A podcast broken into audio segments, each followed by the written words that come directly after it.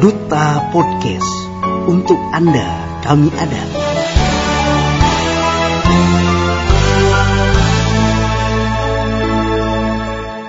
Bismillahirrahmanirrahim. Assalamualaikum warahmatullahi taala wabarakatuh.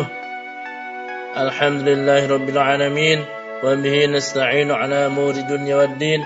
Wassalamu ala asyrafil anbiya'i wal mursalin سيدنا ومولانا محمد وعلى آله وصحبه أجمعين. أما بعد على هذه النية وكل نية صالحة لا حول ولا قوة إلا بالله رسول الله صلى الله عليه وسلم وعلى آله أصحابه أزواجه وذريته ولبيته أجمعين.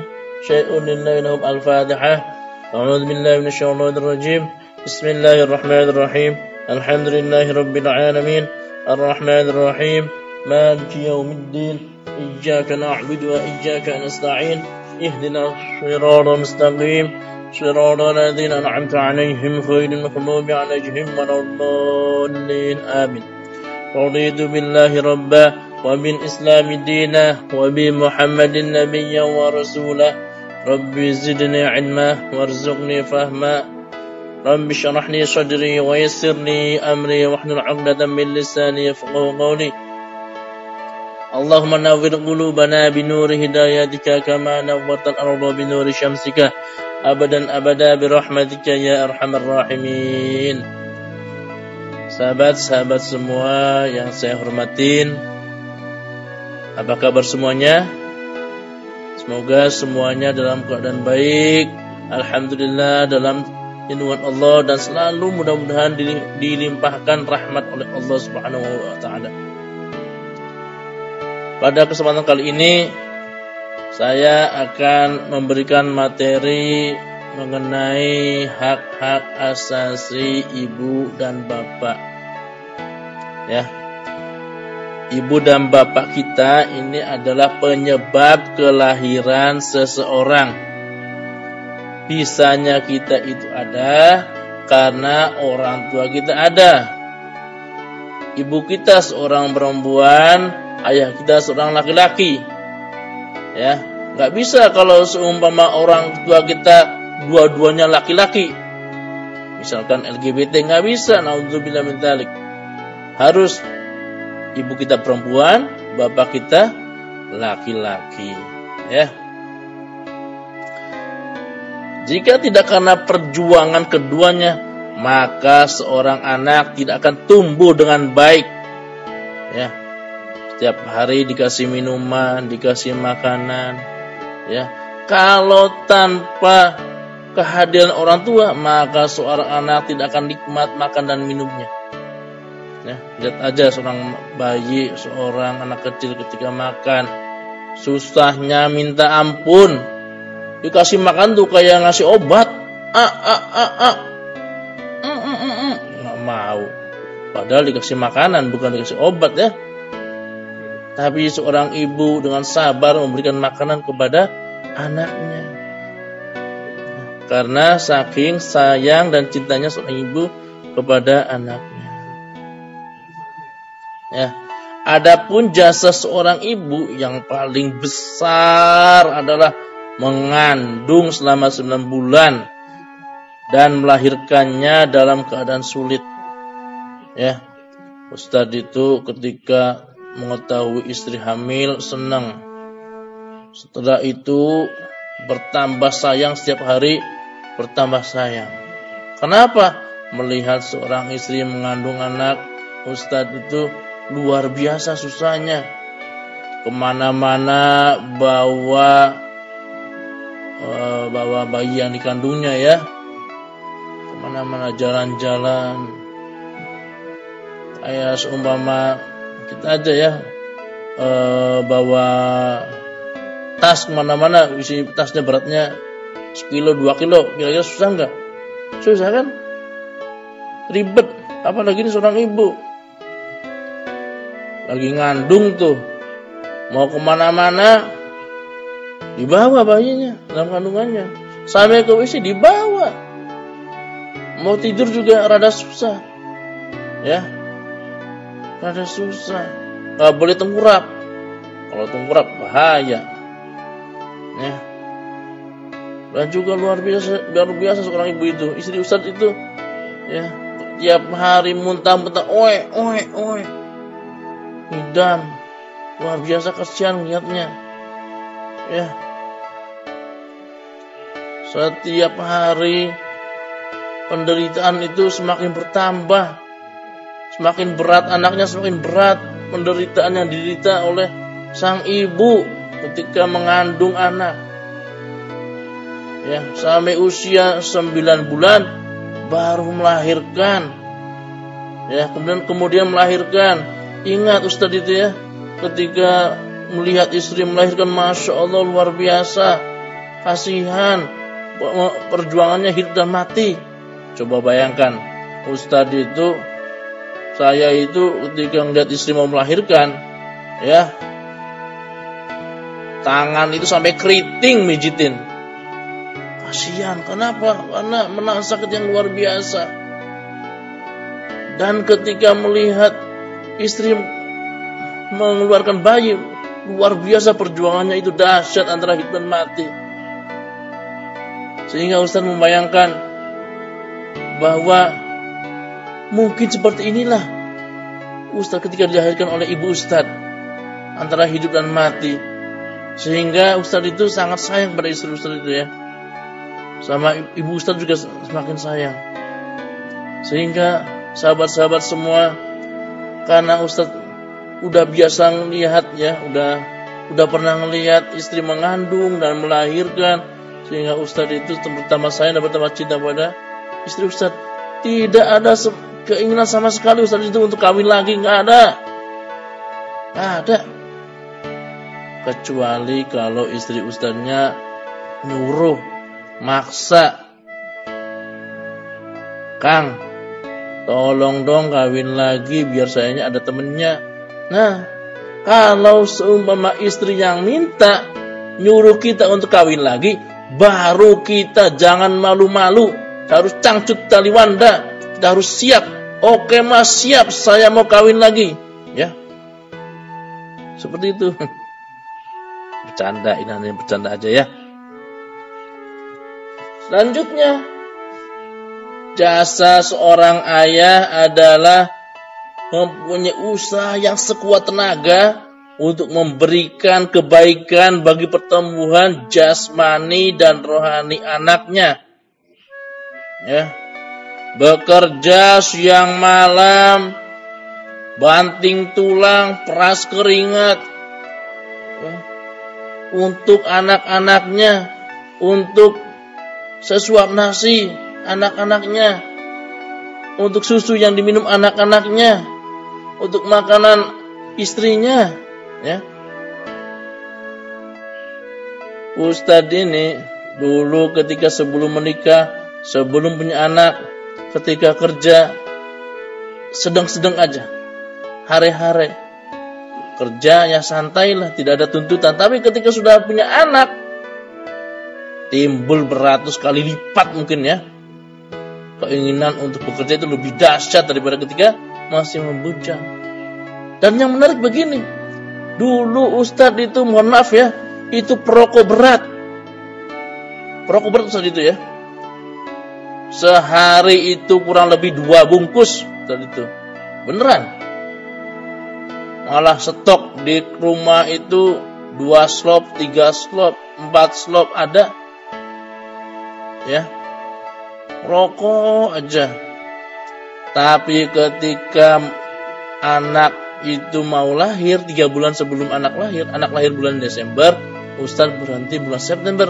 Ustadz punya keinginan yang kuat harus berhenti merokok Kenapa Ustaz membayangkan satu rokok kalau segi ekonomi katakan 15 ribu lumayan 15 ribu bisa buat nantinya untuk buat beli susu anak. Ya ditambah lagi kalau semua kita berhenti merokok kita juga akan memberikan kesehatan yang lebih untuk anak. Kenapa? Tidak ada asap rokok yang mengganggu anak saya. Sehingga ketika ada ke, ada keinginan kuat untuk berhenti merokok, Ustaz langsung berhenti merokok. Bismillahirrahmanirrahim. Saya berniat berhenti merokok jihad karena Allah. Ya, kenapa? Ingatnya anak. Coba. Anak belum belum lahir Ustaz sudah berjuang untuk menghilangkan kebiasaan buruk berhenti merokok. Ya. Merokok saja berhenti apalagi yang hal-hal yang jahat yang, yang tidak bermanfaat. Setelah itu Ustaz itu merasakan luar biasa manfaat yang luar biasa ya. Bisa lebih sehat dan bisa untuk mengefisienkan keuangan kita. Ya. contoh yang lain banyak sekali bapak-bapak kita ya yang kita tahu pergi pagi. Subuh-subuh itu udah pergi udah pergi. Pulang ke rumah udah malam. Ya. Kenapa? Demi anak-anaknya.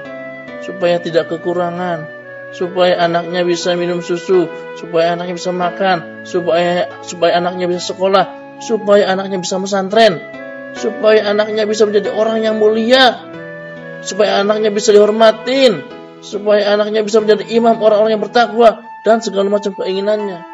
Luar biasa orang tua kita itu, ya.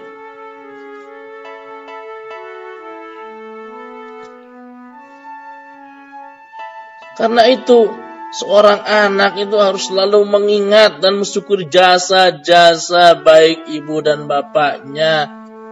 Oh iya saya itu sekarang bisa hebat sampai kayak gini itu karena usaha karena kerja keras ibu dan bapak saya. Oh iya coba kalau ayah saya nggak mesantarkan saya, mungkin saya akan jadi preman. Oh ya kalau ibu saya tidak mendidik saya dengan benar mungkin saya akan tidak berakhlak.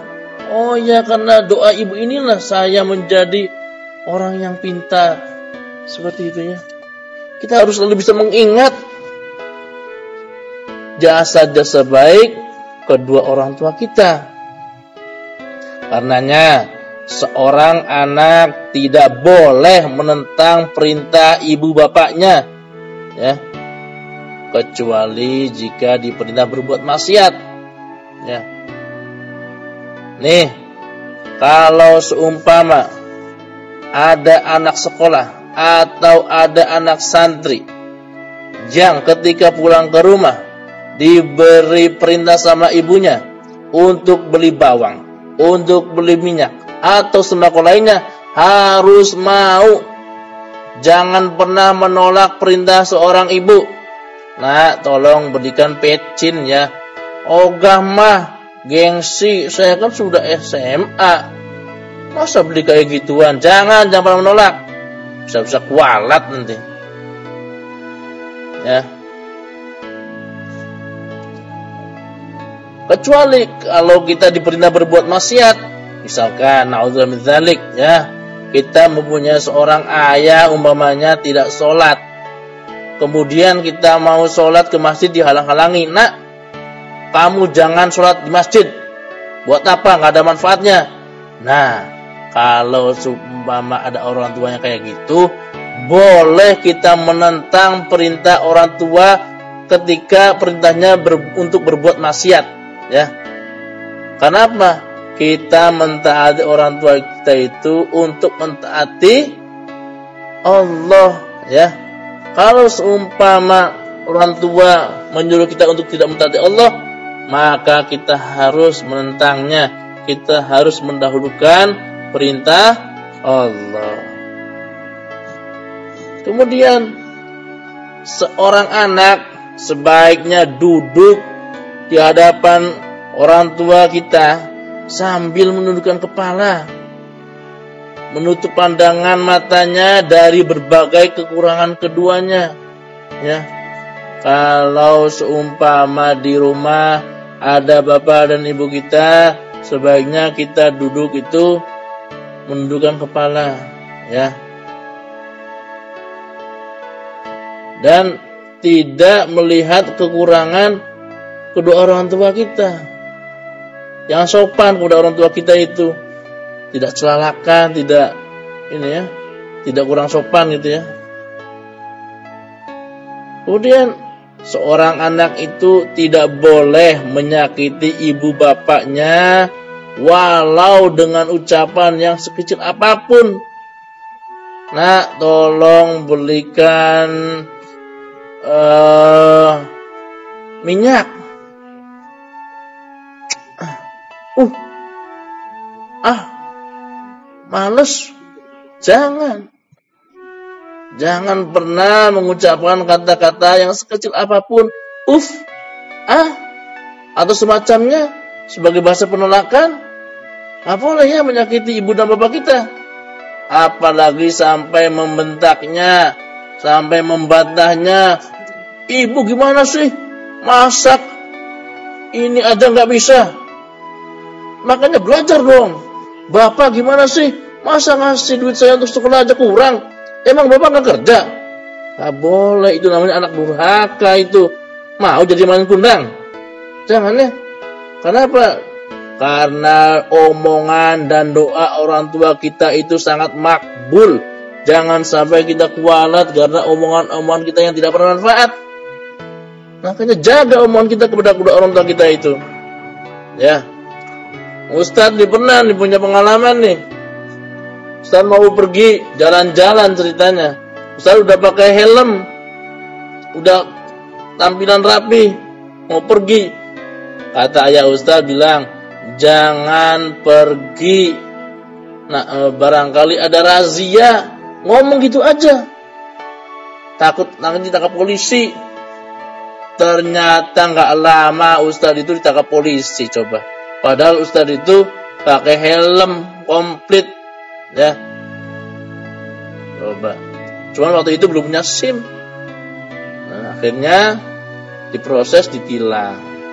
Padahal orang tua cuma hanya sekedar bilang aja, jangan jangan jangan pergi, takut ada polisi, takut ditangkap polisi. Seperti itu ya, luar biasa luar biasa omongan orang tua ya, orang tua itu. Makanya hati-hati. Kemudian ya sebagai anak yang baik, hendaknya tidak berjalan di depan orang tua kita kecuali untuk mengabdi keduanya. Ya, kalau ada orang tua kita di rumah, kita perlakukan orang tua kita layaknya seorang raja, ya. Jangan lewat ke depan orang tua kita kecuali untuk mengabdinya. Bu, mau tak bikinin kopi atau teh, Bu? Maunya gitu. Pak, punten lewat, saya mau ngambil sapu. Umpamanya begitu ya. Boleh kalau semua untuk mengabdi tapi kalau seumpama nggak ada keperluan mondar mandir di depan orang tua itu namanya tidak tidak sopan. Ya. Kemudian seorang anak hendaknya selalu memohonkan ampunan dan rahmat kepada ibu bapaknya ya. Selalu tiap hari dalam dalam doa setiap kali habis sholat baca Allahumma gfirli wali walidayya warhamhuma kama rabbayani sohiro ya ya Allah ighfirli ampunilah aku wali walidayya dan kedua orang tuaku. Warhamhuma dan sayangilah keduanya kama sebagaimana mereka Kama rabbayani sebagaimana mereka menyayangiku sohiro ketika waktu kecil ya. Harus dibaca itu tiap kali sholat. Habis sholat dibaca Allahumma gfirli wa walidayya rahmakama rabbayani sohiro Ya.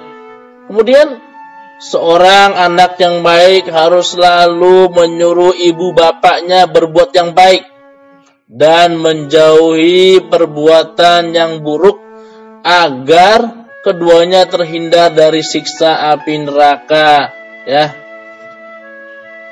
Ada seorang santri. Ustaz tahu ya seorang santri kebetulan uh, santri Ustaz itu punya orang tua. Bapaknya tidak sholat ya maka sebagai seorang santri yang baik sebagai seorang murid yang baik harus mengingatkan dan menyuruh bapaknya untuk sholat. Pak, bapak itu orang Islam, bapak wajib sholat. Saya nggak mau bapak nggak sholat. Saya takut bapak masuk neraka. Gara-gara bapak masuk neraka, saya takut keseret masuk neraka juga. Nggak mau saya. Momennya begitu ya. Pokoknya kasih omongan yang bagus, kasih perintah yang bagus kepada orang tua kita agar tidak melakukan perbuatan-perbuatan yang buruk. Ya. Kenapa? Kita itu harus selalu memperhatikan kedua orang tua kita. Kenapa? Mereka adalah penyebab kelahiran kita ke dunia, ya.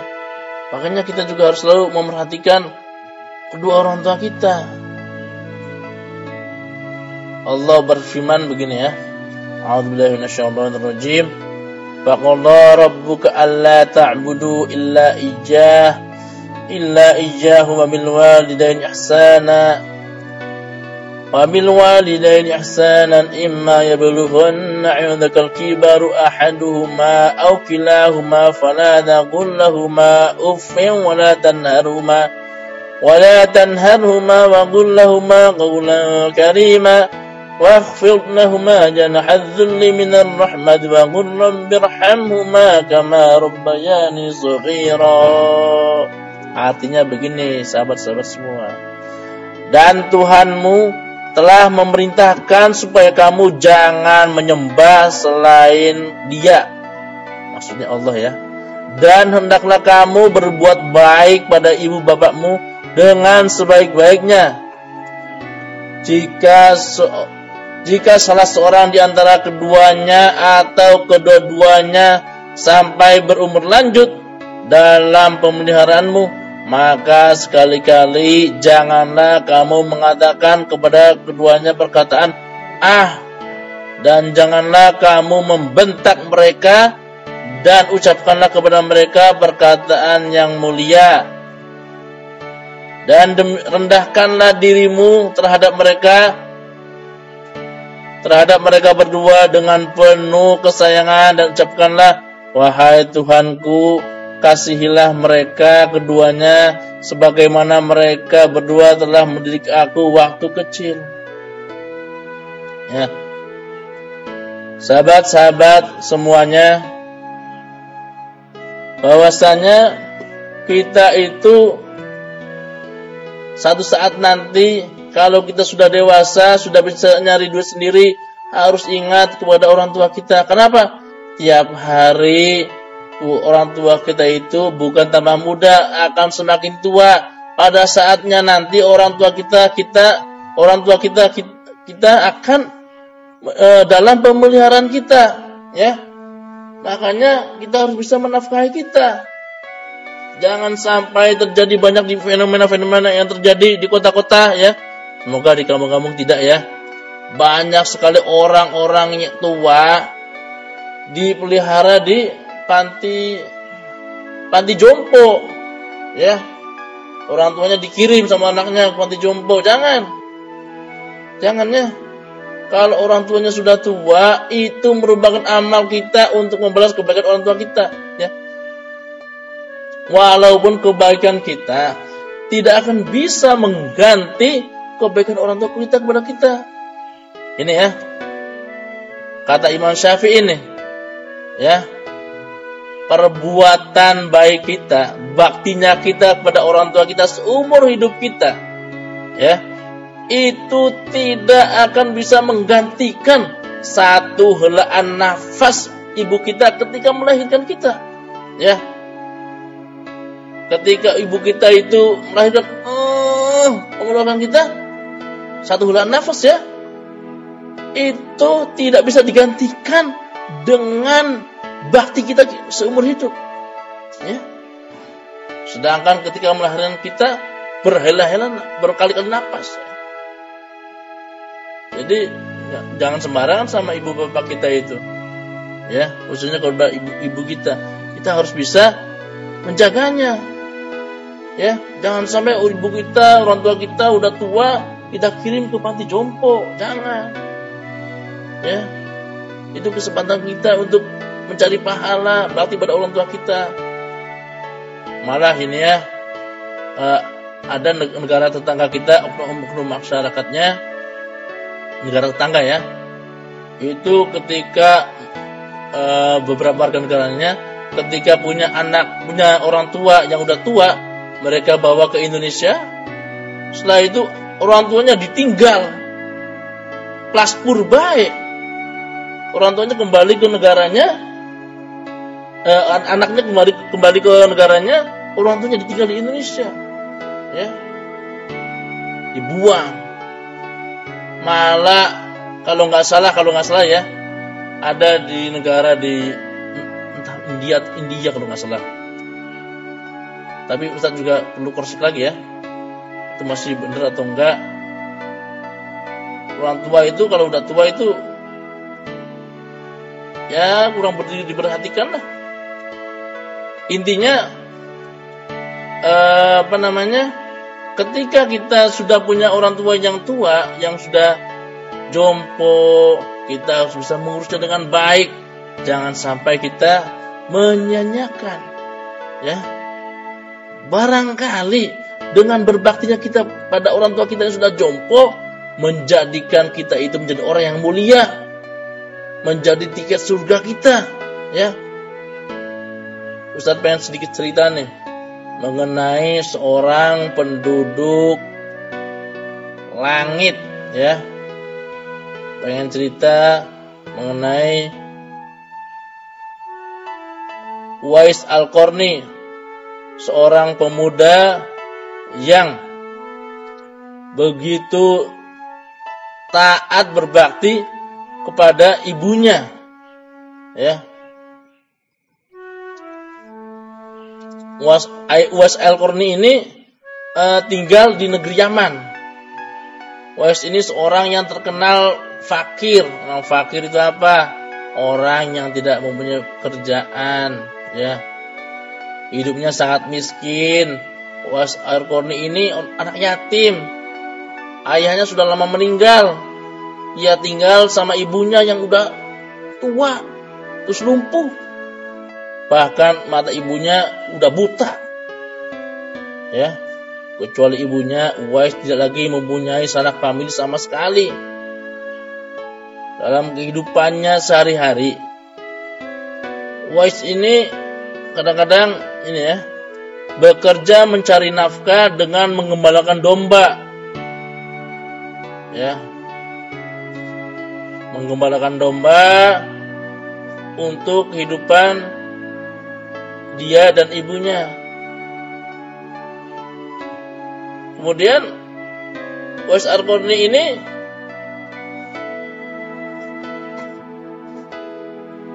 orang yang sangat rindu pada kanjeng Nabi. Ya, Was Arqon ini selain uh, dikenal sebagai seorang yang rajin bekerja, jika dia itu seorang anak yang taat pada ibunya dan juga taat beribadah dan sering kali melakukan puasa. Ya, dia pengen uh, apa namanya? pengen ketemu sama Nabi. Tapi uh, Nabi apa namanya ibunya udah tua gimana caranya ya? Akhirnya karena kerinduan Waris Arqoni ini sudah memuncak, dia ngomong aja ke ibunya, Bu, saya pengen pergi ke Madinah, pengen ketemu sama Rasul, boleh enggak? Boleh, pergilah wai wai, silakan temulah Nabi di rumahnya gitu ya. Dan kalau sudah berjumpa dengan Nabi, segeralah segeralah engkau kembali pulang. Kurang lebih sang ibu ngomong begitu. Akhirnya Was Al-Qarni pergi ke Madinah. Ya. Di Madinah Was nggak ketemu sama Nabi. Ketemu sama istrinya Kanjeng Nabi ya Sayyidati Siti Aisyah radhiyallahu anha ya apa Nabi pulangnya dia pengen nungguin ketemu sama sama kanjeng Nabi tapi kanjeng Nabi nggak ada kalau nunggu saya kasihan sama ibu saya kalau nggak nunggu saya nggak ketemu sama kanjeng Nabi Tapi akhirnya karena dia tekan sama ibunya, dia pulang ke ke Yaman. Ya. Akhirnya Wais al ini titip, sal, titip salam aja, pamit sama Siti Aisyah. Salam kepada kancing Nabi, ya. Salam kepada kancing Nabi. Setelah uh, peperangan selesai, kancing Nabi ketemu dan ngobrol sama Siti Aisyah. Menurut keterangan Siti Aisyah, memang benar ada yang mencari Nabi dan segera pulang ke Yaman karena ibunya sudah tua dan sakit-sakitan. Kemudian Kanjeng Nabi melanjutkan om keterangannya tentang Uwais Al-Qarni. Kalau kalian ingin berjumpa dengan dia, perhatikanlah ia mempunyai tanda putih di tengah telapak katanya, di telapak tangannya. Nabi Muhammad ngomong bahwa Uwais Al-Qarni adalah orang yang taat kepada ibunya dan beliau adalah Uwais Al-Qarni adalah penghuni langit. Ya. Baik sahabat, mohon maaf karena waktunya sudah tidak memungkinkan untuk uh, dilanjutkannya cerita saya ini. Uh, mudah-mudahan bisa dilanjutkan ke, ke kesempatan yang lain. Kalau ada kesalahan, saya mohon maaf. Itu datang dari saya pribadi yang masih belajar. Kalau ada yang benar, silakan dimanfaatkan dan dikerjakan dan diamalkan. Itu datangnya dari Allah. Akhir kalam wal minkum. Wassalamualaikum warahmatullahi taala wabarakatuh.